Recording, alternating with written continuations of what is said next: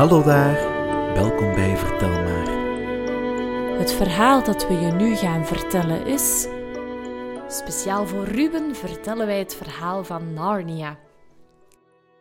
Er waren eens vier kinderen, genaamd Peter, Susan, Edmund en Lucy. Ze woonden in een groot huis in Engeland.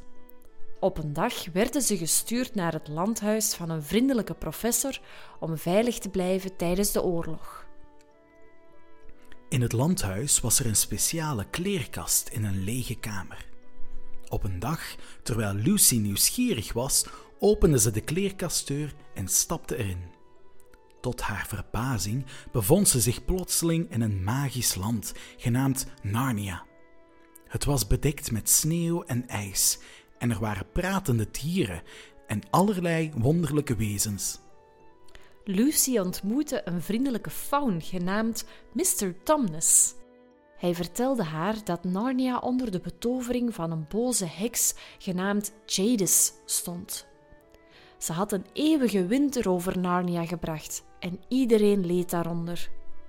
Lucy keerde terug naar het landhuis en vertelde haar broers en zus over haar spannende avontuur. Maar ze geloofden haar niet. Op een dag besloten Edmund en Lucy samen de kleerkast binnen te gaan. Maar Edmund werd misleid door de gemene heks Jadis en verraadde zijn broers en zus aan haar. Hij wilde meer macht en dacht dat de heks hem dat kon geven. Maar Jadis was gemeen en gebruikte Edmund voor haar eigen slechte plannen. Gelukkig ontmoetten Peter, Susan en Lucy een geweldige leeuw genaamd Aslan. Hij was de koning van Narnia en een krachtig wezen. Hij wist van de profetie dat vier kinderen, zonen en dochters van Adam en Eva, Narnia konden redden. Hij geloofde dat Peter, Susan, Edmund en Lucy die kinderen waren. Samen met Aslan begonnen de kinderen een dapper avontuur om Narnia te redden. Ze ontmoetten pratende bevers die hen hielpen en andere vriendelijke wezens die hen steunden. Maar ze kwamen ook gevaarlijke wezens tegen die hen wilden tegenwerken, zoals de heks Jadis en haar kwaadaardige dienaren. Tijdens hun avontuur werd Aslan gevangen genomen door de heks Jadis. Ze zei dat volgens een oude regel van magie Aslan moest sterven om Edmunds verraad te wreken.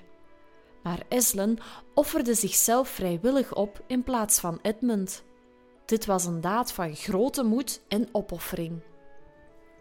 De kinderen waren verdrietig, maar er gebeurde iets magisch. Aslan kwam weer tot leven. Hij versloeg de heks Jadis en bracht hoop en vreugde terug naar Narnia. De eeuwige winter smolt weg en de lente kwam terug. Narnia werd een prachtige plek vol vrede en geluk. Peter, Susan, Edmund en Lucy regeerden als koning en koninginnen over Narnia.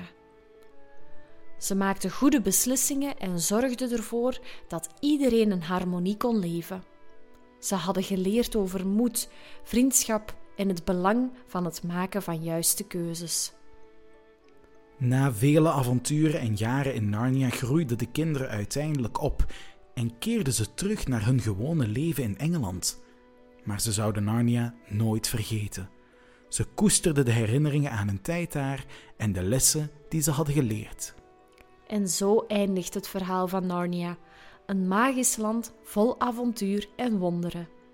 Het herinnert ons eraan dat zelfs in de donkerste tijden er altijd hoop is en dat vriendschap, moed en opoffering belangrijke dingen zijn. Wie weet, misschien is Narnia er nog steeds, wachtend op dappere kinderen die avonturen willen beleven en de magie willen ontdekken. Ben jij ook zo dol op de verhalen van Vertel Maar? Surf dan zeker naar onze website www.vertelmaar.be. Je kan ons ook volgen op Facebook en YouTube. Heb je een verzoekje? Stuur ons een mailtje verhaal@vertelmaar.be.